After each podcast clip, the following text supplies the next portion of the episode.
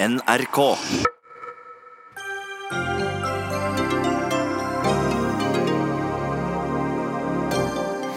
Lan Marie Berg fra MDG tar selvkritikk etter en rekke lovbrudd i Oslo kommune, mens Høyre vil ikke utelukke mistillit mot det rød-grønne byrådet.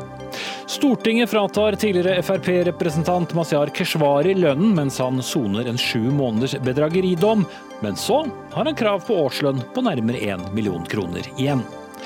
Russland gir snart et svar i Frode Berg-saken, opplyser landets utenriksminister, som i dag møtte Norges utenriksminister under 75-årsmarkeringen for frigjøringen av Finnmark og Nord-Troms. Og aldri har Norge vært rikere. Oljefondet rundet i dag 10 000 milliarder kroner.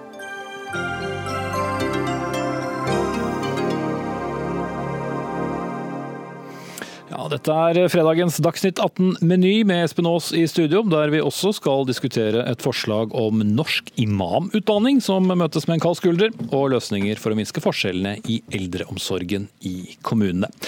Men vi starter med en sak som har vært mye omtalt eh, denne høsten, nemlig en rekke lovbrudd i Oslo kommune. I dag kom rapporten som nestleder i byrådet i landets største kommune, Lan Marie Berg fra Miljøpartiet De Grønne, har ventet på men kanskje ikke glede seg til å se.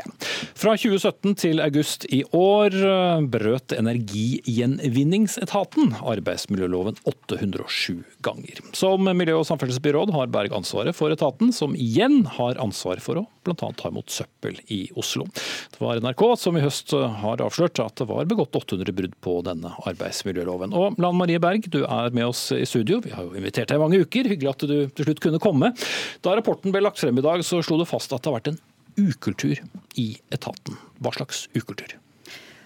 Takk for det. Um, jeg vil si at Rapporten uh, ble utarbeidet på bakgrunn av flere varsler som vi mottok, og også informasjon fra konstituert direktør om brudd på regler knyttet til anskaffelser, arbeidstid og ansettelser. Så det omfatter flere forhold enn bare arbeidstid, som du også var inne på, programleder. Rapporten viser at det har vært store utfordringer i Energigjenvinningsetaten, og at man har tatt for lett på regler og lover og følge de når det kommer til ansettelser, anskaffelser og arbeidstid. Hvem har tatt for lett på det? Det er etaten som har tatt for lett på dette når man har um, f.eks. gjennomført anskaffelser. Um, eller når det kommer til ansettelser, eller med bruk av arbeidstid og brudd på arbeidsmiljøloven. Mm. Det, er ikke, uh, det er ikke akseptabelt. og Derfor har vi også tatt grep for å rydde opp. Denne rapporten er en del av det. Den ble bestilt på bakgrunn av disse varslene. Og også så da konstituert direktør gikk på i februar 2019, så fikk han klar beskjed om å Eh, rydde opp når det kom eh, til arbeidstid og til anskaffelser i etaten, og situasjonen er nå vesentlig bedre. Mm. Og så vil vi bruke denne rapporten til å ytterligere eh, forsterke opprydningsarbeidet i etaten. Hvilket ansvar har du hatt som byråd? Jeg har som byråd ansvar for at lover og regler følges i mine etater. Og med en gang jeg fikk informasjon om at det var og kunne være alvorlige forhold i Energigjenvinningsetaten gjennom f.eks. disse varslene, så satte jeg et arbeid i gang for å rydde opp, bl.a. ved å få denne rapporten på plass. Mm. Når fikk du vite det? Eh, vi fikk det på bakgrunn av varsler som kom høsten 2018. Og fram til mars 2019 så kom det en rekke varsler om uh, brudd på anskaffelsesregelverket, brudd på uh, reglementet i forhold til ansettelser. Og også da konstituert direktør kom inn i februar i år, så fikk vi beskjed om at utfordringene knyttet til arbeidstid i etaten var mye større enn det som vi hadde forstått. Mm. Derfor så tok vi grep og, og satte i gang den rapporten, og samtidig og parallelt med det oppryddet, startet startet opprydningen i etaten. Hvordan vil du vurdere egen åpenhet overfor andre medlemmer av bystyret fra de andre partiene? Jeg har informert eh, bystyret eh, om at vi satte i gang denne, arbeidet med denne rapporten. Eh, også informert bystyret i fjor høst knyttet til et garderobeanlegg på Haraldrud. Så her mener jeg at jeg har overholdt informasjonsplikten min. Mm. Øystein Sundelin, du er leder for Høyres bystyregruppe i Oslo kommune. Da vi snakket med deg før sending, så sa du at dere ikke ville utelukke en mistillit mot det sittende byrådet. Hva skal til for at dere går til noe så alvorlig?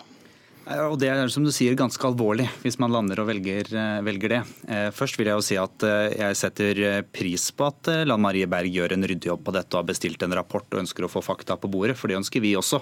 I hvert fall før man skal vurdere noe så sterkt som mistillit. Og denne type brudd har vi sett før, vi kommer helt sikkert til å se det igjen. Samtidig så er det slik at det nå skjer på Lan Marie Berg sin vakt. Mm. Og noen av bruddene var kanskje mer alvorlige enn vi trodde. Og så avdekkes det også da en rekke brudd på både anskaffelses- og ansettelsesreglementet. Og Når Oslo kommune bryter anskaffelsesreglementet, så opptrår vi ikke nødvendigvis troverdig overfor alle de vi skal kjøpe varer og tjenester av der ute i næringslivet. Og Hvis ikke de kan stole på Oslo kommune, da får du også et troverdighetsproblem i det vi trenger av varer og tjenester til Oslo kommune. Men bare for å ta det, det var ikke sånn at ingen lover ble brutt eh, da Høyre styrte Oslo heller? Nei, og det er det jeg sier. at eh, Sånn var det nok, og sånn kommer det sikkert også til å være i fremtiden fra, fra tid til annen. Men det som var utfordringen, eller er utfordringen til både Raymond Johansen og Lan Marie Berg, var at de var ganske eplekjekke under Veireno-skandalen for to år siden og sa at de ville ha en nulltoleranse for systematiske lovbrudd på arbeidsmiljøloven i Oslo kommune. Nå har vi sett at det var ikke noe nulltoleranse i løpet av de nesten tre årene som har gått siden den pressekonferansen. Snarere tvert imot. Det har vært avdekket flere titalls tusen brudd i Oslo kommune. Ganske mange av dem i Berg sine etater. Eh, og da er det litt for lang avstand mellom liv og lære. Du skal få svare på det, Berg. Ja, jeg står for uttalelsene mine som jeg også hadde tidligere, eh, og at det ikke skal være fare for liv og helse. Det er heller ikke det som det rapporteres om, som PwC også har undersøkt at i, te, i denne saken. Her er det et stor Jeg tror vi skal være litt forsiktige med å sammenligne to så ulike situasjoner. Så langt vi kan se er AML-bruddene i mine etater av mindre karakter, og ikke med fare for liv og helse. Det betyr ikke at ikke at vi skal akseptere dette, og at vi ikke skal jobbe med det. Vi har ikke minst sett i renovasjonsetaten, og også det siste året i energigjennomvisetaten, at det er eh, her har det ikke vært arbeidet godt nok i kommunen når det kommer til uh, å sikre at man ikke har brudd på arbeidstidsbestemmelsene, og gjøre så mye man kan for å unngå det. Det har byrådslederen satt i gang et arbeid på for å kunne gjøre det enda mer systematisk. Men Jeg tror det jeg også sier, fordi at eh, Det er ikke vits å prøve å bagatellisere noen av disse bruddene. Noen av dem er små avvik fra arbeidsmiljøloven, som jeg er helt sikker på at de fleste kanskje kan leve med. Dermed ikke sagt at man generell basis kan åpne på brudd på arbeidsmiljøloven, men noe av det som kommer frem i rapporten i dag er ganske så graverende. Og For å bruke byrådens egne ord fra dagens pressekonferanse, så var det svært alvorlig eh, og noe vi skal ha nulltoleranse eh, for. Og Når vi bruker ord som svært alvorlig, ja da betyr det at bruddene også er ganske grove. Mm. Hvis vi kan være litt konkrete der, da, Lan Marie Berg. Dette er jo da et byråd med Arbeiderpartiet og MDG, som, som er to partier sammen med også SV, som er veldig opptatt av, av nettopp eh, arbeidsmiljøloven og ordnede forhold, som har vært en av argumentene for å, å ha offentlige og ikke private tjenester i, i kommunene. Hva er det mest alvorlige lovbruddet, ut fra det du vet nå? Jeg synes at denne rapporten for å ta den, tar jo for seg ulike ting, bare for å skille litt på det. Den tar for seg forhold knyttet til anskaffelser, til ansettelser og til uh, brudd på arbeidsmiljøloven. Mm. Hva er mest alvorlig? Jeg synes at uh, altså, jeg vil ikke, jeg vil ikke uh, skille mellom de tre, men jeg vil si at det, det vitner om en, en kultur der man har tatt for lett på det å følge lover og regler. Og det er vi i gang med å rydde opp i i Energimengdsetaten. Så Eh, til, eh, når det kommer til brudd på arbeidsmiljøloven, så ser vi at vi har over flere år i Oslo kommune, eh, også før vi kom inn og begynte å styre i 2015, hatt utfordringer knyttet til brudd på arbeidstidsbestemmelsene i flere etater. Her har vi rom for forbedring. Det har vi sett i mine etater, at det er et rom for forbedring når direktøren har satt å få ned brudd på arbeidstidsbestemmelsene øverst på dagsordenen. Det kan vi gjøre noe med. Derfor har også byrådslederen satt i gang et arbeid på tvers av etatene for å se hvordan, hva vi kan gjøre med systemene våre for å gjøre det enda bedre. Og Hva kan det være? Altså, har man for få ansatte? Er det for mye åtte til fire? Altså, hva, hva, er grunnen til at man får så mange brudd på arbeidsmiljøloven, som skal, skal sikre at uh, ansatte har ordnede arbeidsforhold? Jeg tror det er flere ting. Det dreier seg Noen ganger så kan man få et brudd på arbeidsmiljøloven hvis man bytter et skift. Et skift kan vel ikke bryte en arbeidsmiljølov? Jo, faktisk så kan, så kan, det at man bytter skift, kan eh, bryte, gjøre sånn at du bryter hviletidsbestemmelsene for at du ikke får nok hvile, f.eks. Så, det, så det er, så er en del av det. Men så kan det også dreie seg om hvordan man legger opp vaktskiftene. Som helhet. Og det kan dreie seg om flere ting. så det er... Man må jo bryte det ganske mange ganger før det blir et alvorlig brudd på arbeidsmiljøloven, enn at man bytter et skift i løpet av et år? Vel, det er, det er faktisk ikke helt sånn det, det fungerer. Det er f.eks. sånn at man skal ha elleve timer hviletid. Så hvis man jobber seint en kveld og kommer på jobb tidlig på morgenen, så kan man ha en brudd på arbeidsmiljøloven. Mm. Hans Petter Karlsen, du er da direktør i Energigjenvinningsetaten i Oslo kommune. og Som eh, Lan Marie Berg sa, du eh, relativt ny inn og har fått en del av, av, av ryddejobben. Fortsatt så skjer det da brudd på arbeidsmiljøloven. Eh, kan du gi en slags forklaring på hvorfor det skjer? Ja, jeg tror jeg først skal ta omfanget som vi har hatt av, av brudd nå i den ordinære driften vår. For um, altså, når vi gikk inn i 2019, så hadde vi 41 brudd på arbeidsmiljøloven i, i, i januar. Eh, og så startet vi et arbeid eh, på det, og det, det må jeg bare si at det var det en, en, stor eh, vilje til å ta tak i den utfordringen. Og vi fikk relativt klar bestilling og en forventningsavklaring med byrådsavdelingen på hva vi skulle gå inn i. Så fra mars og til i dag så har vi på de seks siste månedene så har vi hatt 26 brudd. Så betyr at det er 4,5 brudd per måned. Og det, jeg ønsker at vi skal komme ned til null. Eh, men da syns jeg at eh, vi i hvert fall eh, har fått effekt av de tiltakene vi har iverksatt. Og så ser jeg at mye av de samme kommer igjen i den rapporten som PwC har levert i dag, og jeg er veldig tilfreds med det. Hvis det var så lett, hvorfor har det rukket å bli så mange lovbrudd før man begynte å ta tak i det? Jeg tror PwC var inne på noe sentralt i dag i forhold til det at det er en veldig stor stolthet blant de ansatte i Energigjenvinningsetaten. Og det gjør at eh, man har hatt den eh, viljen og evnen til å la anleggene gå 24-7, har trumfa en del andre forhold. Eh, og Det gjør at da har man jobba for lenge. Det er mulig at jeg har sagt at vi får utsette noen utbedringer, noen transporter, et eller annet til mandag. At vi ikke gjør det på fredag, som man kanskje har gjort tidligere. Mm. Det er noen sånne ting også. Men jeg, tror det er en veldig stor lojalitet til, og stolthet i, i jobbutførelsen som vi ser der. Mm. For Alternativet til ikke bryte arbeidsmiljøloven er også at de fleste tjenester må da utføres innenfor vanlig kontortid, mer eller mindre? Ja, men det, det, er, det, er, litt mer komplekst enn som så. Vi snakker egentlig om en veldig liten del av arbeidsmiljøloven, for vi snakker om arbeidstidsbestemmelsene. Eh, og du kan eh, også gjøre en del med hvilke turnusskift vaktordninger eh, som du har, som vi også har starta et arbeid på. For det, er mulig å lage skipsplaner som er innenfor AML, men som har en veldig høy risiko, som beskrevet. At du da kan få noen ekstra eh, timer på en søndag, eh, og som utløser eksempelvis brudd på hviletid. Eh, og da kan jeg vel også knytte en sånn liten kommentar også til det i, i, forhold til om det er et alvorlig brudd eller ikke. Så må vi nok også, for å gjøre det bildet enda mer uklart, så må vi også ta, tenke på hvilken stilling man, man sitter i. Eh, for det er f.eks. stor forskjell om man er en eh, sjåfør og skal kjøre rundt i byens gater med tunge kjøretøy, eller om du har en kontorstilling. Mm. Men man har vel ikke hatt et system der man har satt opp turnus som har brutt med arbeidsmiljøloven? Det har vært noen utfordringer i en skiftplan, men vi kan i hvert fall si at det har vært høy risiko i noen av de arbeidstidsordningene som vi har hatt, og som vi da har tatt og justert litt på nå. Mm. Sundelin, eh, vi har jo diskutert denne saken noen ganger eh, i Dagsnytt og mange andre arenaer. Mange peker jo på også at arbeidsmiljøloven i seg selv er en utfordring i forhold til enkelte yrker. Burde f.eks. en regjering som bl.a. består av ditt parti til Høyre, gå en ny runde på om arbeidsmiljøloven er for streng på f.eks. hviltidsbestemmelser? Jeg er helt overbevist om at den på enkelte punkter er for rigid. og Det er jo nettopp derfor vi kommer opp i den type tall som 100 000 brudd på arbeidsmiljøloven i Oslo kommune. Eh, det forteller oss nok også at vi har en litt for rigid eh, eh, lov. og Jeg opplever byråd Berg sitt forrige svar som at hun nok kan være tilbøyelig til å være noe enig i at en tilpasning i arbeidsmiljøloven kunne vært, vært på sin plass. Men vi snakker også her tross alt om en del andre brudd som er mer alvorlig enn at det er rom for å bagatelliseres eller rom for å ses innenfor en, et mer fleksibelt regelverk enn det vi har. Mm. Var det riktig tolkning, Lan Marie Berg? Nei, eh, det var ikke riktig tolkning. Vi vil verne om arbeidsmiljøloven.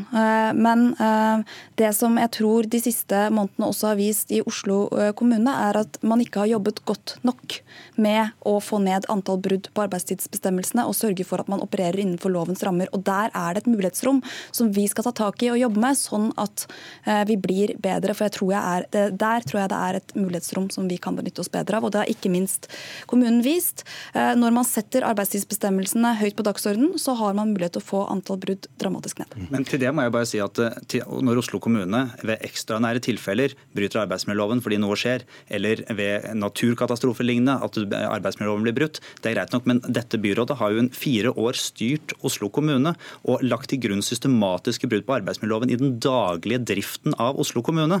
Og da syns jeg det svaret byråd Berg nettopp gir, setter det hele i et litt merkelig lys, hvis man har vært så opptatt av det, og samtidig akseptert og sett på at den daglige driften i Oslo kommune baserer seg på brudd i arbeidsmiljøloven. For det må det være når vi er oppe i 100 000 brudd på arbeidsmiljøloven. Det er jeg ikke enig i. og så vil jeg også påpeke at For flere etater så var bruddene også høyere da Høyre styrte. Eh, og så ser vi at En del av etatene har tatt grep eh, og eh, satt arbeidsmiljøloven høyere på agendaen. og Da har bruddene også gått betydelig ned. Så Her er det et rom for forbedring. og Jeg vil ikke si at man har lagt det til grunn i arbeidet. Vi legger til grunn at lover og regler skal følges. Mm. Et veldig kort spørsmål. Du må gjerne svare ja eller nei på det. Lan Marie Berg. Er du rett person til å gi lede denne etaten videre? Ja, Med en gang jeg fikk informasjon om at det kunne være alvorlige forhold i energigjenvinningsetaten, så tok jeg grep. Jeg satte i gang denne rapporten. Vi har fått eh, nå rapporten på bordet, som også tar for seg forhold tilbake i tid. Og jeg ga klar beskjed til ny konstituert direktør om å rydde opp, få, eh, få bukt med brudd på arbeidstidsbestemmelsene og uh, sørge for at etaten handla lovlig. Det er nå i vesentlig bedre orden, og det er jeg fornøyd med. Ok, et langt ja der. Eh, Magnus Takvam, politisk kommentator her i NRK. Hvor alvorlig er denne saken for eh, det rød-grønne byrådet i Oslo, og som mange liker å se på som et eh, utstillingsvindu med profiler som Lan Marie Berg og, Raymond Johansen fra Arbeiderpartiet? Det er klart det som er kommet fram, avdekker jo veldig alvorlige forhold i denne konkrete etaten vi snakker om nå, og også i andre etater som det kommer mer rapporter på etter hvert. Eh, det hadde vært enda alvorligere hvis det hadde vært en situasjon der man ved det nye eh, rød-grønne byrådet i 2015 hadde sett en sterk økning og eh, forverring av forholdene på dette området, selvfølgelig. Det, det er jo ikke tilfellet, men det er jo alvorlig i seg selv, det vi snakker om her. Nå er jo Oslo kommune styres etter et parlamentarisk system, så det politisk interessante i den sammenheng er jo eh, i hvor stor grad man kan kritisere da eh, byråden for ansvaret for det som har skjedd. Og her, er nok, her vil jeg si denne, denne rapporten eh, problematiserer om da, og det har vel for så vidt Lan Marie Berg tatt sjølkritikk på, at hun burde, når det gjelder arbeidsmiljølovbruddene, burde sett tidligere eh, hva som var eh, i ferd med å skje, og gjort tiltak eh, tidligere. og Det, det sier denne PwC-rapporten også at, eh, at, det var tilfellet. Men når det gjelder de to andre sektorene, ansettelser og anskaffelser, så var det faktisk da, så vidt jeg ser av rapporten, ikke informasjon opp til byrådsavdelingen om disse forholdene. Så det er litt forskjellig ut fra den typen eh, ansvarsforhold, rett og slett. Mm. Kort til slutt, eh, Magnus Sakam. Eh, det er jo ikke første gang vi hører mm. om dette. Vi hadde jo tilsvarende lovbrudd også, f.eks. Mm. i rød-grønne Trondheim kommune. Så det viser vel også en utfordring også for de som heier på de kun kommunale eh, tjenestene fremfor de private, å kunne holde seg da innenfor et lovverk, som de jo ofte kritiserer de private for ikke å gjøre. Ja, det, det, er klart. og det, det er klart, men det er, uh, Dette skjer jo i etater med turnuser, og der hvor det er masse folk ansatt i Eh, heldøgn kontinuerlig skift, som, som, i sykehjem. Der er det jo i Norge 400 000-500 000 brudd. slik at eh, det som, det som må skje nå, er at man får alle tingene på bordet. Altså Kontrollutvalget i Oslo kommune har bedt kommunerevisjonen gå nøye gjennom eh, helheten i dette. og Når vi får det på bordet, så kan vi sortere det enda bedre enn vi kan nå. Takk skal du ha, Magnus Hakvam, politisk kommentator i NRK. Takk også til byråd Lan Marie Berg, Øystein Sundelin, leder for Høyres bystyregruppe, og Hans Petter Karlsen, direktør i Energivendingsetaten i Oslo kommune. Dagsnytt 18 alle hverdager kl 18.00 på NRK P2 og NRK2.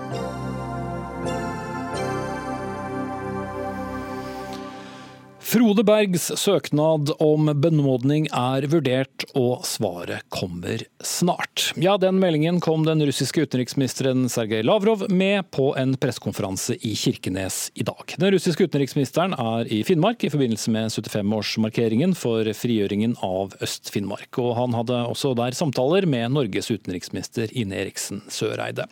Jan Espen Kruse, vår Moskva-korrespondent. Du er i, Kirkenes og fulgte denne pressekonferansen. Frode Bergs norske advokat Brynjulf Frisnes sier at saken kan avsluttes etter 7.11, altså bare noen uker frem i tid, og at den spiondømte finnmarkingen da kan komme hjem i midten av november allerede. Hvor realistisk er det?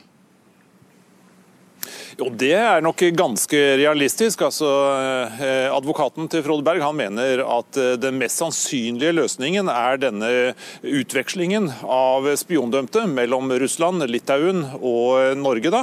At, eh, det, at andre muligheter, som f.eks. at Frode Berg skulle bli benådet og sendt ut av Russland helt uten videre, at den er mindre sannsynlig. Derfor, altså Årsaken til at det er snakk om den 7. november, er at parlamentet i Litauen da skal skal behandle eh, en ny lov som gjør det mulig å benåde og eh, sende disse to eh, spiondømte russerne fra Litauen tilbake til Russland. Altså få hele denne utvekslingen i gang, så å si. Hvordan har da denne utvekslingssaken, som ikke har vært en lett sak, preget forholdet mellom Norge og Russland? Jaspen? Det er jo klart at uh, dette er hovedsaken uh, mellom, uh, i forholdet mellom Norge og Russland akkurat nå. Denne saken dominerer og, på, ved, ved, de tilfellene hvor det er samtaler mellom norske og russiske diplomater og med, med, politikere, så er det denne saken som er, man arbeider med intenst bak kulissene. Sånn at Andre saker kommer rett og slett i bakgrunnen inntil denne, denne Frode Berg-saken er løst. Utenriksminister Ine Eriksen Søreide, du er også med oss fra eh, Kirkenes. Eh, hvordan tolker du eh, svaret fra Lavrov i dag? Norske myndigheter har jo hele veien sagt at vi ønsker å få Frode Berg hjem, og det jobber vi på ulike måter for å få til. Og så bidrar vi selvfølgelig også med den såkalte konsulære bistanden til han i eh, fengselet. Dvs. Si at vi er på besøk hver 14. dag, senest nå på mandag. Og vi har nær kontakt med hans familie. Fordi dette er en veldig tung situasjon både for Frode Berg og for familien, og, og for Kirkenes-samfunnet. Mm. Og hvor nær mener du at det er en løsning? Som sagt, Vi jobber på ulike måter for å få Frode Berg hjem. og eh, Utover det så har jeg ikke noen kommentarer til det nå. Kan du si noe om hvordan dere har jobbet for å komme frem til en løsning? Som sagt, Vårt mål har hele veien vært å få Frode Berg hjem, og samtidig ivareta hans interesser når han sitter fengsla, gjennom de mulighetene vi har til å besøke og bistå og holde nær kontakt både med familie og advokater. Og, det har vi gjort, og det kommer vi til å fortsette med så lenge det er nødvendig. Mm. Grunnen til at du og Lavrov møttes nå, er som sagt dette 75-årsjubileet for, for frigjøringen av Øst-Finnmark. Men Lavrov skrøt jo i dag av forholdet mellom Russland og Norge. Hvordan vil du beskrive det? Vi har et godt og pragmatisk forhold hvor vi samarbeider eh, mye om ting som er av felles interesse. Vi har eh, gode møter i både Fiskerikommisjonen eh, senest forrige uke, vi har i Atomsikkerhetskommisjonen, Miljøvernkommisjonen, Økonomisk kommisjon. Vi har et tett og godt folk-til-folk-samarbeid som jo særlig syns godt her i nord. Og vi har mye politisk kontakt. Andre halvår i fjor, for å bruke det som eksempel, så var det elleve møter på politisk nivå. Og jeg har siden desember i fjor møtt Lavrov fire ganger. Så vi har mye kontakt. Men så har vi også områder der vi er uenige, og de er vi ikke redde for å snakke om, noen av oss. Og der har vi veldig åpne og direkte utvekslinger både om folkerettsbruddene med annekteringa av Krim, destabilisering av Øst-Ukraina, menneskerettigheter, eh, sivilsamfunnets kår i Russland, for å nevne noe. Hvor eh, symboltungt er det at eh, Russland sender sin utenriksminister til dette jubileet? Ja, det er viktig både for Russland og Norge, for dette er en del av vår felles historie, men også vår veldig nære historie. 75 år er jo ikke lang tid i en historisk eh, sammenheng. og Det betyr at vi både fortsatt har levende tidsvitner, som også var del av markeringa og feiringa i dag. Og det betyr at vi også har et felles ansvar for å fortelle historien videre. For det er en veldig dramatisk historie, både frigjøringa og ikke minst den lange gjenoppbygginga etterpå. Han var her også i 2014 og har veldig gode minner fra det. Så hver gang jeg har snakka med Lavrov, så har vi snakka om den markeringa han var på da. Og han har også uttrykt et sterkt ønske om å få komme tilbake til feiringa i dag. Eh, og det er jeg veldig glad for at han eh, gjorde. Eh, og jeg tror også at han satte pris på den mottagelsen han fikk, og den varme takken som han fikk både fra norske myndigheter og ikke minst fra folk her i, i Kirkenes. Noen eh, hadde kanskje ønsket at det var selveste presidenten som kom. Ville det vært for vanskelig? Nei, altså Vi la oss på den linja at vi inviterte på samme måte som vi gjorde sist. Og siden Lavrov sjøl uttrykte et veldig sterkt ønske om å få komme, så syns vi det var veldig naturlig. Han hadde gode minner fra sist han var her. Og, jeg tror at eh, hvis vi ser litt rundt oss andre steder, så er det nok ikke så mange steder som på samme måte tar vare på både krigsminnesmerker, hedrer eh, sovjetiske soldater som eh, kjempa og som eh, frigjorde eh, del av land. Eh, og Det tror jeg betyr ganske mye for russerne. og Det er også en viktig del av, av vår nære historie. Og Vi brukte jo da anledninga også til å til å snakke om eh, områder av felles interesse som vi hadde god anledning til gjennom et langt møte. Eh, og vi snakka også om de områdene der vi er uenige. Og så ble vi enige om eh, gjennom det møtet å gjenoppta den bilaterale menneskerettighetsdialogen mellom Norge og Russland, og det er viktig for begge land. Takk skal du ha, utenriksminister Ine Eriksen Søreide. Jan Espen Kruse, bare spørre deg kort til slutt. Hvor viktig ser du at denne 75-årsmarkeringen er forholdet mellom Norge og Russland, som jo stadig deler grense? Jo, dette er veldig viktig, og spesielt viktig sett fra russisk side.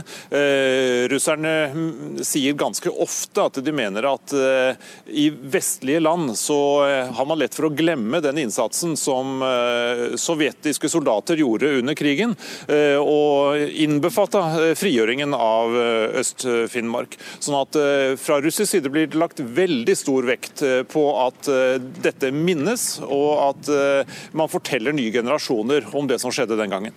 Takk skal du ha, Jan Espen Kruse, Moskva-korrespondent på plass eh, i Kirkenes. Og det blir mer om 75-årsmarkeringen litt senere i Dagsnytt 18.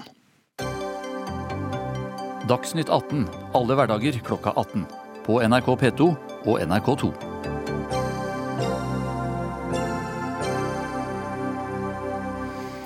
Det er eh, brutt, brutt til og med, ut en ny politisk eh, strid om organiseringen av eldreomsorgen etter en eh, rapport som viser store variasjoner mellom kommunene når det gjelder kvaliteten på omsorgen for landets eldste. Rapporten avdekker også at det kan forekomme lovbrudd i kommunene. Og eldre- og folkehelseminister Sylvi Listhaug fra Frp hun tok på NRKs Nyhetsmorgen i morges til orde for økt statlig styring med eldreomsorgen, som de altså er kommunene som har ansvar ansvaret for i dag. Men det har du reagert på, Tuva Moflag, eldrepolitisk talsperson for eh, Arbeiderpartiet. Hva er eh, faren med å styre noen hvis ikke de gjør som de skal? Nei, altså Vi mener jo for det første at eh, statlig finansiert eldreomsorg ikke er den rette oppskriften. Vi mener at de politikerne som bor nært der folk er, at de kjenner behovene til sine eldre best. I Ser ikke sånn ut i den rapporten, da? Ja, Det er stor variasjon, det er det absolutt. Men det skyldes jo bl.a. at vi har en regjering som sultefòrer kommuneøkonomien. Vi ser at de kommunene som er med i dette forsøket, statlig finansiert eldreomsorg, de har fått et påslag på 640 millioner kroner de siste åra. Hvis resten av kommunene hadde fått like mye penger fra eldre- og folkehelseministeren, så ville kommunene også vært bedre stilt til å gi en bedre mm. eldreomsorg. Men er det ikke nettopp der staten går inn hvor det da fungerer bedre, hvis du får mer penger, da? Nei, altså den evalueringa som er gjort av forsøket viser jo at det ikke nødvendigvis gir noe bedre kvalitet. Vi har jo Frp sitt utstillingsvindu i Os, der hvor eh, Terje Søviknes har vært eh, ordfører fram til nå. Der har jo noen av de ansatte rett og slett starta Eldrebrølet. De sier at de aldri har løpt så fort som de gjør nå. Så statlig finansiert eldreomsorg er ikke noe glansbilde. Det er mer byråkrati, og man får ikke det igjen for pengene som man burde. Mm. Du er tilbake igjen i studio etter ti timer, Syvi Listhaug, eldre- og folkehelseminister altså. Det er departementet ditt som også har bestilt denne rapporten som en delrapport. Er mistanken til Arbeiderpartiet berettiget, at du aller helst ville hatt inn mer private tjenester i kommunene? Altså, jeg er jo for at vi skal ha valgfrihet for de eldre, at du skal ha muligheten til å velge bort tilbud du ikke er fornøyd med. Men grunnen til at vi tester ut statlig finansiert omsorg, er at Fremskrittspartiet ville det i mange mange tiår. Vi mener det er en viktig måte å jobbe på, fordi at du vil rett og slett øremerke øremerke pengene til eldreomsorg og pleie- og omsorgstjenestene. Mm. Så Det Arbeiderpartiet er imot, er altså å øremerke pengene til eldre og syke mennesker. Og jeg kan ikke begripe hva slags eh, utgangspunkt man da har. Eh, neste år skal vi rulle ut dette her i flere kommuner, og det tilbakemeldingene vi får er, er jo at eldre er fornøyd ansatte er fornøyd. Ledelsen i kommunen som var sterkt imot dette, håper de får fortsette å være med i prosjektet. For de ser at nå er ikke det økonomien til kommunen som styrer hvor mye tjenester som gis, men det er behovet til brukerne. og Det er det som er utgangspunktet. Men det er samtidig da en, en mistillit til at kommunene kan eh, styre dette selv? Mange greier dette på en god måte, men så ser vi jo det at det er store variasjoner. Og Det er jo også grunnen til at vi gjør mer enn bare å prøve ut en modell med statlig finansiert eldreomsorg i noen kommuner. Vi er nå i gang med å gjennomføre en ny reform, Leve hele livet, som handler om å øke kvaliteten. Som handler om hvilken mat de eldre får. Altså Eldre er ofte dårlig matlyst, de er syke, og vi vet jo på oss sjøl at er oss syke så har oss eh, dårlig appetitt. Men, men, Sørg for skikkelig mat er en del av det. Aktivitet, ikke bare sitte i en stol. Sørge for at du ikke blir overmedisinert så du sitter helt uh, i en stol og sover. Mm. Der er jo legemiddelgjennomgang viktig. Men, men, men hvordan skal staten kunne vite hva som er best for noen eldre i så mange kommuner som er så langt unna? Blir det ikke da at man gir samme, samme medisin til alle uten å kjenne de lokale forholdene? Ja, det er jo kommunen som uh, altså, utmåler tjeneste, bestemmer hvor mye tjeneste man skal ha. Men i disse kommunene, Jeg møtte en av de ansatte i en av, av disse fire kommunene som jeg testa ut. Hun sa jo det at det, nå kan jeg gå hjem igjen uten å ha vondt i magen. fordi at jeg vet det at jeg kan gi den tjenesten som Men... brukeren trenger, istedenfor at det er liksom økonom, jeg må tenke økonomi økonomi hele veien. Hvis, det er jo det, eh, det som er hvis alt regjeringen gjør er å gi dem mer penger, eh, Tuva Moflang, så er det vel ikke så stort problem? da? Nei, men vi har andre ansatte som sier at de gråter når de går hjem fra jobb, som er med i forsøket statlig finansiert eldreomsorg. Arbeiderpartiet sin løsning er jo at vi vil ha kvalitetskrav i kommunene. Vi fremma et forslag som skulle gå på både tannhelse, ernæringsstatus, legemiddelgjennomgang osv. Det er jo nettopp det vi ser i denne rapporten, at det er store geografiske forskjeller knytta til det. Det forslaget stemte regjeringspartiene ned. Vi mener at kommune og stat bør ta et spleiselag på de store løftene. F.eks. bygge flere sykehjemsplasser og etablere flere dagaktivitetsplasser for mennesker med demens. Det har vi gjort i mange år nå, men fra nyttår så kutter regjeringa den tilskuddsordninga som gjør det lettere for kommunene å etablere nettopp dagaktivitetsplasser for mennesker med demens. Så jeg skjønner ikke hvorfor ikke eh, Sylvi Listhaug vil bidra med en hjelpende hånd fra staten når det gjelder de som har demens. Men altså, Dette er jo helt, eh, en historiefortelling som er helt ellevill. Altså, det vi gjør, er å legge pengene nå istedenfor at vi har en ordning der kommunene må søke, så får de pengene inn i ramma til å drive dagaktivitetssenter rundt omkring i landet. Og Når det gjelder dette med sykehjemsplasser, så er det sånn at staten tar altså opp mot 70% av regninga for å bygge en sykehjemsplass. Det aldri vært så gode ordninger som nok, altså nok en gang tidligere. Og vi er i en situasjon der vi da er lagt til rette for at det kan bygges 17 500 heldøgns omsorgsplasser. Og når jeg diskuterer dette her med det i Stortinget, det du er mest opptatt av da, det er jo hvordan vi skal tilrettelegge for boliger til folk som ikke har behov for pleie- og omsorgstjenester. Du vil ha flere omsorgsboliger til folk som er friske og raske. Det og det syns jeg er faktisk en helt feil vei å gå. Vi må konsentrere oss om de som men, er men, men hvorfor kommer eh, denne åpenbaringen etter, etter, seks år i regjeringen?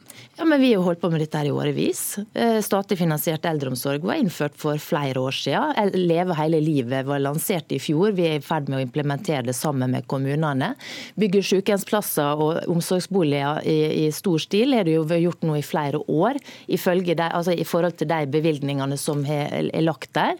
Men, eh, og vi har innført lovfesta rett til BPA. Vi har gjort en masse at, vi ikke støtter med. Jeg vil gjerne at Sylvi Listhaug svarer på dette eh, med statlig finansiert eldreomsorg, og hvordan det legger til rette for mer privatisering. Når man får i gang en stykkprisfinansiering, en fast pris for hva de ulike oppgavene i eldreomsorgen skal koste, så er det mye lettere å få private tilbydere inn. Kan Sylvi Listhaug bekrefte det? At dette er første skritt til mer privatisering i kommunene? Det er jo kommunene som bestemmer. Det som dette er, å øremerke pengene.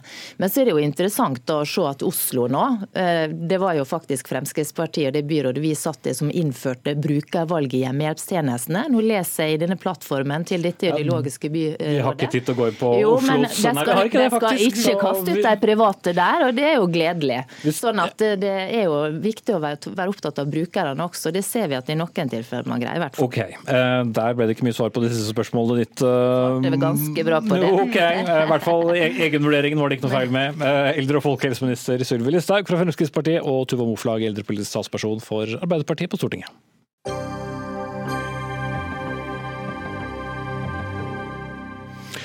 Sju måneders fengsel, ja, det ble straffen for den bedrageridømte stortingsrepresentanten og tidligere Frp-eren Mesiar Keshvari, men når den dommen er sonet, så er han tilbake i Stortinget. Mer om dette senere i sendingen, når Stortingets direktør er gjest hos meg. Men jeg lovte at vi skulle fortsatt snakke om 75-årsjubileet i Finnmark. I, eh, vi hørte jo utenriksminister Ine Eriksen Søreide uttrykke et vellykket møte med sin russiske kollega under dagens samtalen. Og mm, Julie Wilhelmsen, du er eh, seniorforsker i NUPI, altså Norsk utenrikspolitisk institutt. Føler du at det er et slags tøvær på gang i forholdet Norge-Russland? Eh, Ja, jeg vil si at det er riktig i den forstand at man har mye eh, hyppigere møter, og at det helt åpenbart er en slags eh, si, god personlig kontakt. Og det er veldig viktig i internasjonale relasjoner. Så er det fremdeles slik at det er si, Den store elefanten i rommet er på en måte det, sikkerhetspolitikken og, og konflikten mellom Norge som Nato-medlem og Russland. Og det eh, er nok en sak det er vanskelig å komme noe videre på og vanskelig å, å snakke om.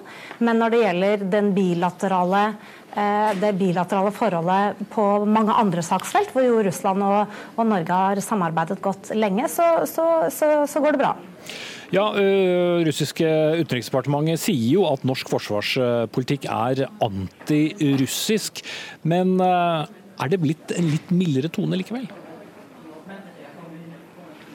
Eh, ikke på det feltet. Eh, altså i, I Russlands bilde så har Norge på en måte to fjes. Det ene fjeset er Norge som partner, der man kan samarbeide, alltid har gjort det. eh, Og der det er stor tillit. Men det andre fjeset er Norge som Nato-land. Og det er klart at det har skjedd en endring i norsk forsvarspolitikk siden 2014, som gjør eh, Norge i større grad til et Nato-land, og ikke minst, veldig viktig sett fra russisk side, eh, et større amerikansk nærvær eh, i Norge. Sånn at akkurat på det feltet så eh, kommer nok ikke Russland til å gi seg med klagemålene sine. Det, det ser de som en trussel mot sine interesser, og det kommer de til å fortsette å si. Derfor så får vi denne doble retorikken hele tiden. Eh, veldig tøft eh, når man snakker om eh, sikkerhetspolitikken, men veldig varmt, vil jeg si. Det har vært her i dag. Varmt og vennlig og tillitsfullt når det gjelder det bilaterale forholdet som Norge og Russland potensielt har som naboer og partnere. Jeg vil vende meg mot herren ved din side, nemlig Skjalg Fjellheim, politisk redaktør i Nordlys. Du er også i, Kirkenes uh, i dag. Én ting er jo hvordan uh, forholdet er mellom de som sitter i de to hovedstedene og i departementene. Noe helt annet er jo forholdet mellom folk på hver sin side av grensen.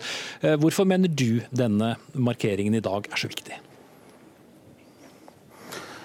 Ja, Den er jo viktig fordi til, uansett hvordan de geopolitiske vindene blåser og hvordan Norges forhold til Russland påvirkes av det, så, så er jo denne frigjøringa av av Øst-Finnmark høsten 1944, noe som binder Norge og Russland sammen.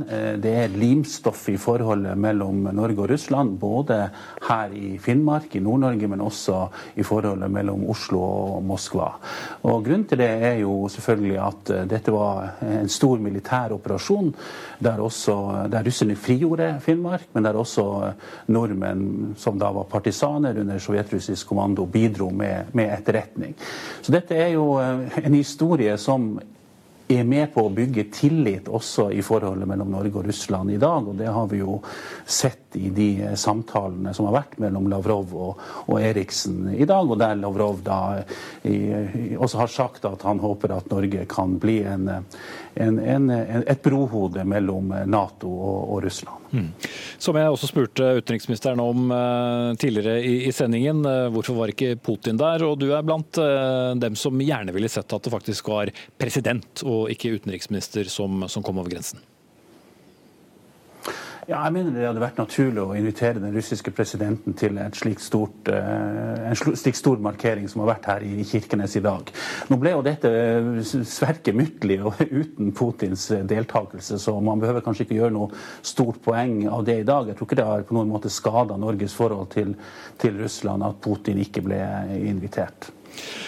Noen hevder jo at eh, det som skjedde i Finnmark da i 1944 har blitt underkommunisert når historien om frigjøringen eh, ble skrevet. Er du, er du enig med de kritikerne?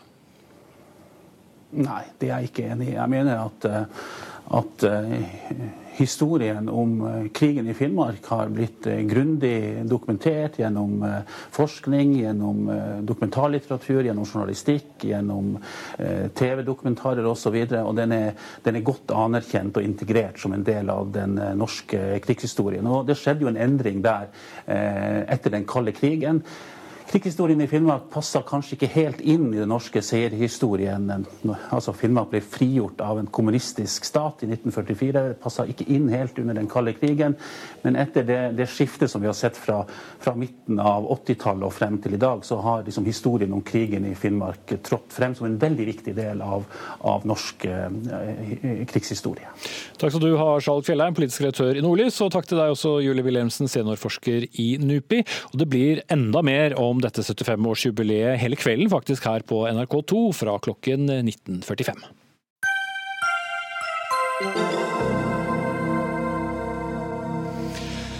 Skal du skrive følgende tall 10 billioner eller 10 000 milliarder kroner, ja så må du faktisk tegne 30 13 nuller etter ett-tallet. Og For første gang så brøt verdien av oljefondet, eller pensjonsfondet utland som vi gjerne sier da, nettopp denne barrieren. Og Dermed så har også fondet doblet seg på bare få år.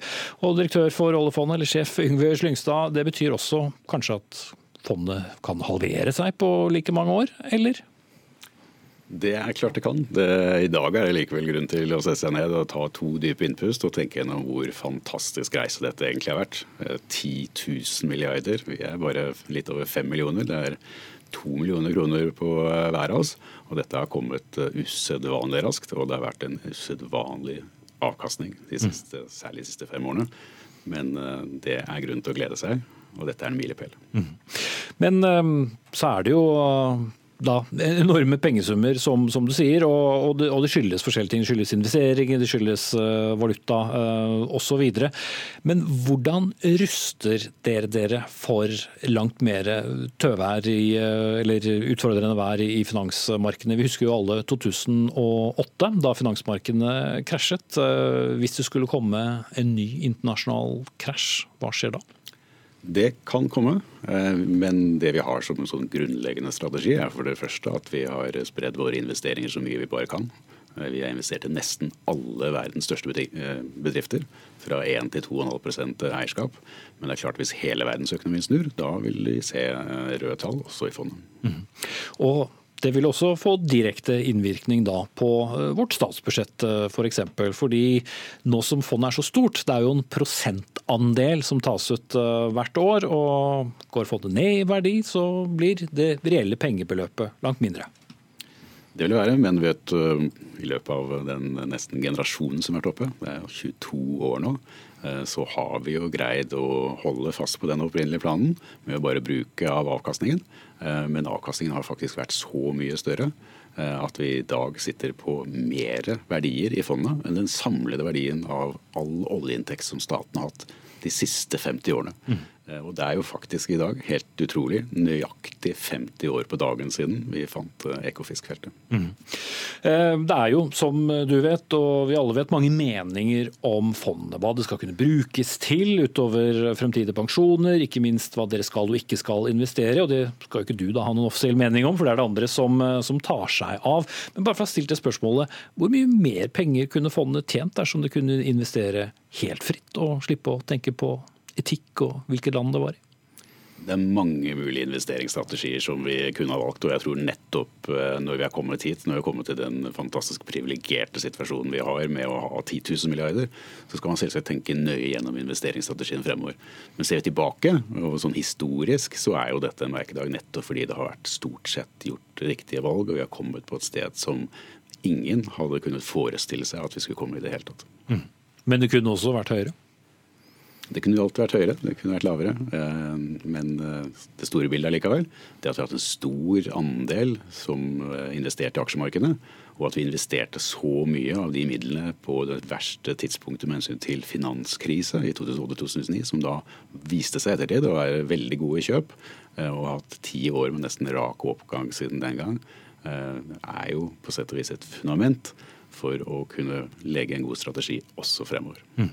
Eh, nå er jo eh, en, stor, er en større andel enn tidligere da, eh, eksponert eh, i, i, aksjemarkeder, hvor verdiene svinger ganske saftig ut fra investorenes tro på de forskjellige eh, selskapene. Hvis vi nå begynner å se store svingninger i, i aksjemarkedene, hva må du gjøre da som sjef og, og dine folk? Altså den verdien eh, som vi ser fra dag til dag, og vi oppdaterer jo denne tikkeren vår på våre hjemmesider kontinuerlig i løpet av dagen, det vil svinge mye.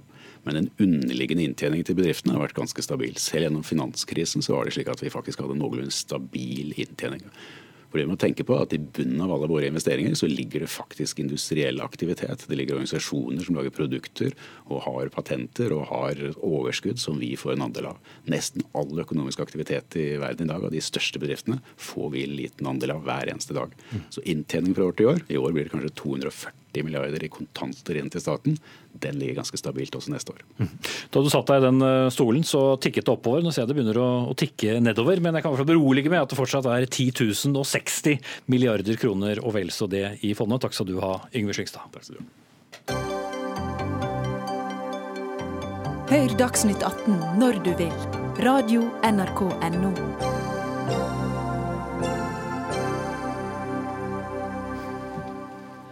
I dag eh, utdannes det prester ved Universitetet i Oslo, men ikke imamer. Og det vil forfatter og rådgiver Sylo Taraku til livs, og foreslår i avisen Vårt Land en egen imamutdannelse her hjemme. I stedet for å vente på at konservative imamer skal forandre seg, mener Taraku at vi burde utdanne dem selv, og kan orientere eh, det mot moskeer i Norge og Europa.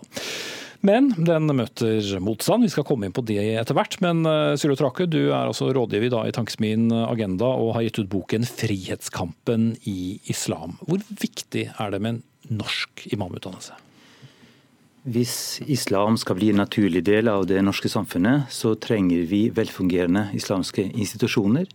Eh, og Det betyr at vi trenger både kompetente imamer eh, og forstandere og religiøse ledere. Men vi trenger også Eh, muslimske lærde, såkalt ulema. Eh, så det er både et praktisk behov, eh, slik at moskeer ikke trenger å importere imamer fra den muslimske verden, fra landsbygda, som ikke kan norsk, som ikke forstår det norske samfunnet, og som ofte ikke har forutsetninger for å lære gode forutsetninger for å lære norsk og, og, og veilede f.eks. unge her. Og det andre er behovet for bedre diskusjoner om islams plass i Norge, Norden og, Europa.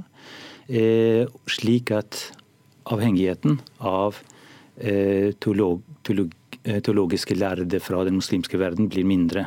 At man ikke sitter her passivt og mottar fatwaer fra den muslimske verden, men at man selv har en mer kompetent og bedre diskusjon. Mm.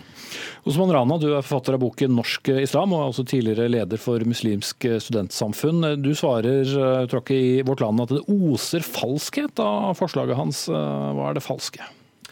Aller først må jeg si at jeg syns det er usedvanlig viktig at islam tolkes innenfor vestlige og norske referanserammer. Det er derfor jeg har skrevet en bok om nettopp kontekstualisering av islams hellige tekster i Norge.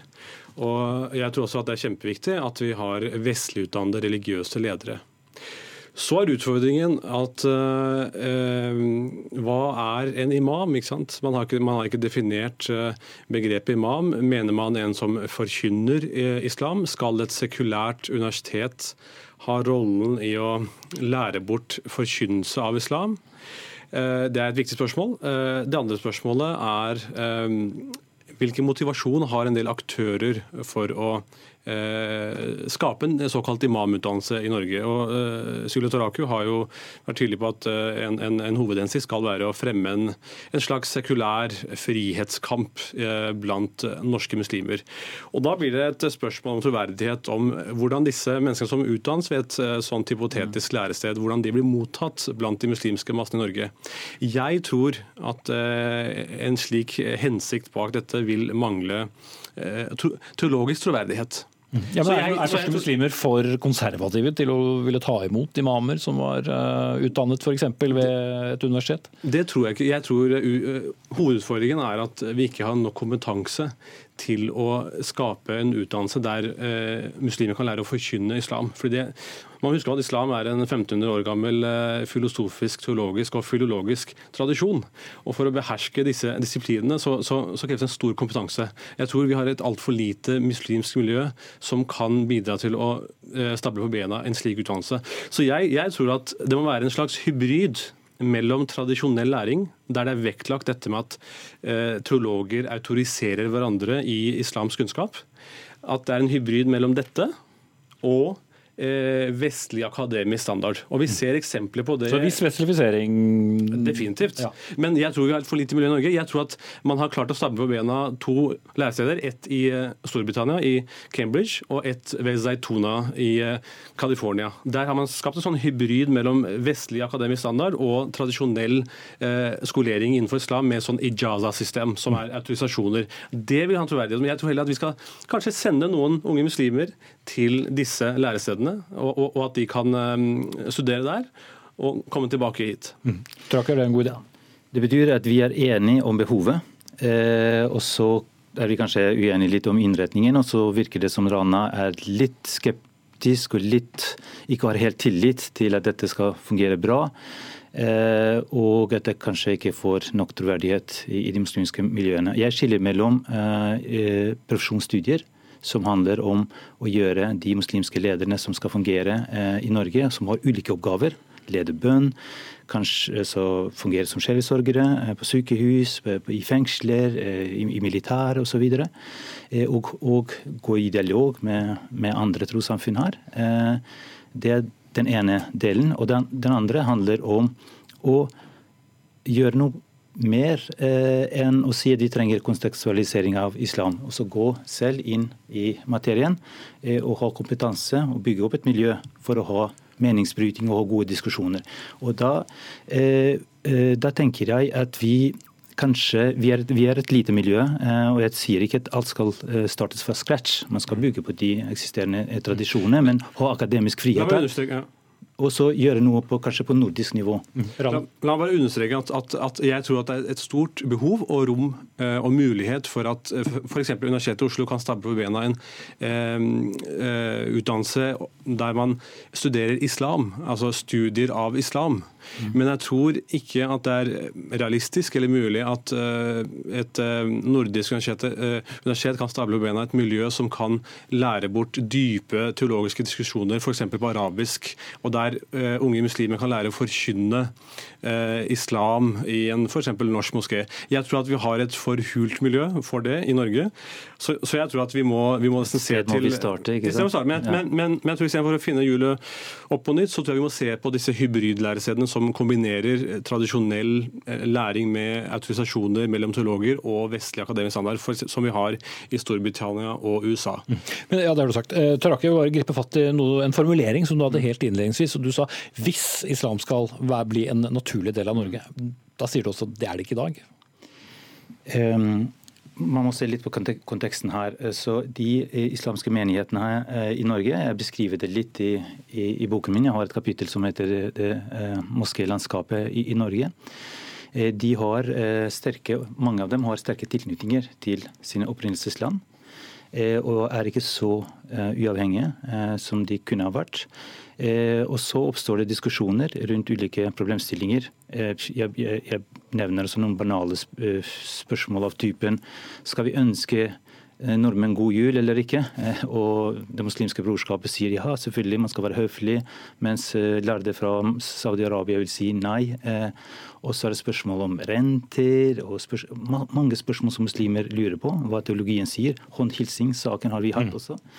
Eh, og da tenker jeg at, eh, og så har vi hatt eh, en diskusjon om homofili hvor Islamsk Råd Norge har sendt spørsmålet videre til andre instanser. Mm. Så mange av disse tingene ville vært jeg må bare bryte ut av for tiden går ut nå, men eh, du mener da, da ville den veien eh, vært mye kortere dersom vi hadde hatt eh, imamer som var utdannet i en mer vestlig kontekst? Ja, fordi Den norske kirken sender ikke spørsmål til utlandet for at de i utlandet skal bestemme hva Mitt inntrykk er at det er i ferd med å endre seg veldig siste, siste årene. Jeg gjorde mye research eh, da jeg skrev min bok eh, 'Norsk islam'. og Vi har mange teologer fra både Storbritannia og USA som bidrar til å heve den vestlig-islamske diskusjonen. og Disse impulsene kommer også heldigvis til Norge. Så har, jeg mener at man, De unge muslimene i stor grad har sluttet å se til Midtøsten. De er i ferd med å se mye mer til vestlige lærde, heldigvis. Okay. Fint punktum eh, der. til Takk til dere, Usman Rana, lege og forfatter, og Silje Otara Raku, forfatter og rådgiver i Agenda.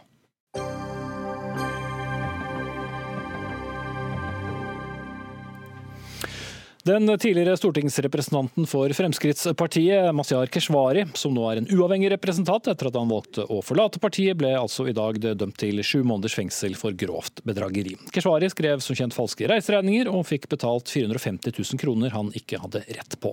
Stortinget har nå bestemt at han ikke får noen godtgjørelser, altså tilsvarende stortingslønn, da, mens han soner denne dommen. Og direktør for Stortinget, Marianne Andreassen, hvilke vurderinger ble gjort i denne saken?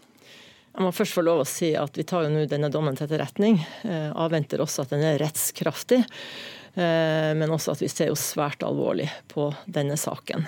Og også, Det var jo Stortinget selv som også anmeldte Keshvari i fjor høst. Eh, vi har aldri vært oppe i denne typen situasjon før. og Derfor så har presidentskapet nå gjort vurderinger om at det er urimelig at han skal motta godtgjørelse under soning. Mm. Så vil det vel eh, da kanskje skje at han soner disse sju månedene på et eller annet eh, tidspunkt, og så kommer tilbake. Og bare for å ha det sånn praktiske på det rene, han har da frem til soningen begynner, rett på vanlig stortingslønn, og får den, og, og har også rett på den da så fort han er ute av soningen. Ja, og Utgangspunktet her, er jo det at grunnloven, ifølge Grunnloven så er det jo møteplikt eh, for en stortingsrepresentant. Eh, og Da er det jo godtgjørelse knytta til denne møteplikten. Og det er også da regler og praksis knytta til godtgjørelse når man da er syk. Eh, så det som det nå stilling til, det er at det ikke da gis godtgjørelse under soning, men for øvrig så vil Keshvari bli behandla som andre stortingsrepresentanter. Mm. Da Keshvari ble sykemeldt etterforskningen startet, så var han fortsatt medlem av Fremskrittspartiet. Carl I. Hagen var hans vararepresentant og har møtt i hans sted. Men nå som Keshvari da har meldt seg ut av partiet, vil det da være noen vara for ham når han eventuelt soner dommen? Eh, altså, Nå får jo ikke dette noen praktisk betydning nå på kort sikt, fordi Keshvari er sykemeldt og Carl I. Hagen er inne for han. Eh, det som da skjer eh, når Keshvari kommer tilbake og møter på Stortinget, så vil jo han møte som en uavhengig representant. Og da har han de samme rettigheter og plikter som andre. Det eneste som skjer, er at det er noen regler knytta til hva slags type tilskudd som da gis til gruppen. Fordi Fremskrittspartiet da har mista en representant, og det er visse da rettigheter knytta til tilrettelegging for hans arbeid som uavhengig representant. Vi har jo hatt en situasjon hvor vi har nå en uavhengig representant, mm. Ulf Leirstein. Så, så det, er de, det, er de samme, det er de samme reglene som gjelder for Keshvari.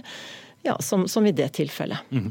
Uh, og bare for å ta den praktiske biten også, som vi for så vidt har snakket om i Dagsnytt 18 uh, tidligere. Det skal veldig mye til for at en stortingsrepresentant skal miste sin plass på Stortinget. Ja, Ifølge Grunnloven så har du møteplikt, eh, og det er meget meget strenge unntaksbestemmelser. Eh, den mest typiske situasjonen hvor man da ikke har denne møteplikten, det er jo hvis man trer inn i regjeringen. Men utover det så er det veldig veldig vanskelig å, å eh, komme utenom den møteplikten. Ja, Da må man være landsforræder? I hvert fall er det veldig veldig strenge, strenge eh, unntaksbestemmelser. Takk for den eh, oppklaringen, Marianne Andreassen, direktør ved Stortinget. Så får vi se om soningskøene til regjeringen som FrPs justisminister er ansvarlig for, er så korte at Keshvari får sonet før det altså er valg igjen i 2021. Anne Katrine Førli var ansvarlig for denne sendingen. Frode Thorshaug tok seg av det tekniske. Jeg heter Espen Aas. Dagsnytt 18 er tilbake igjen på mandag.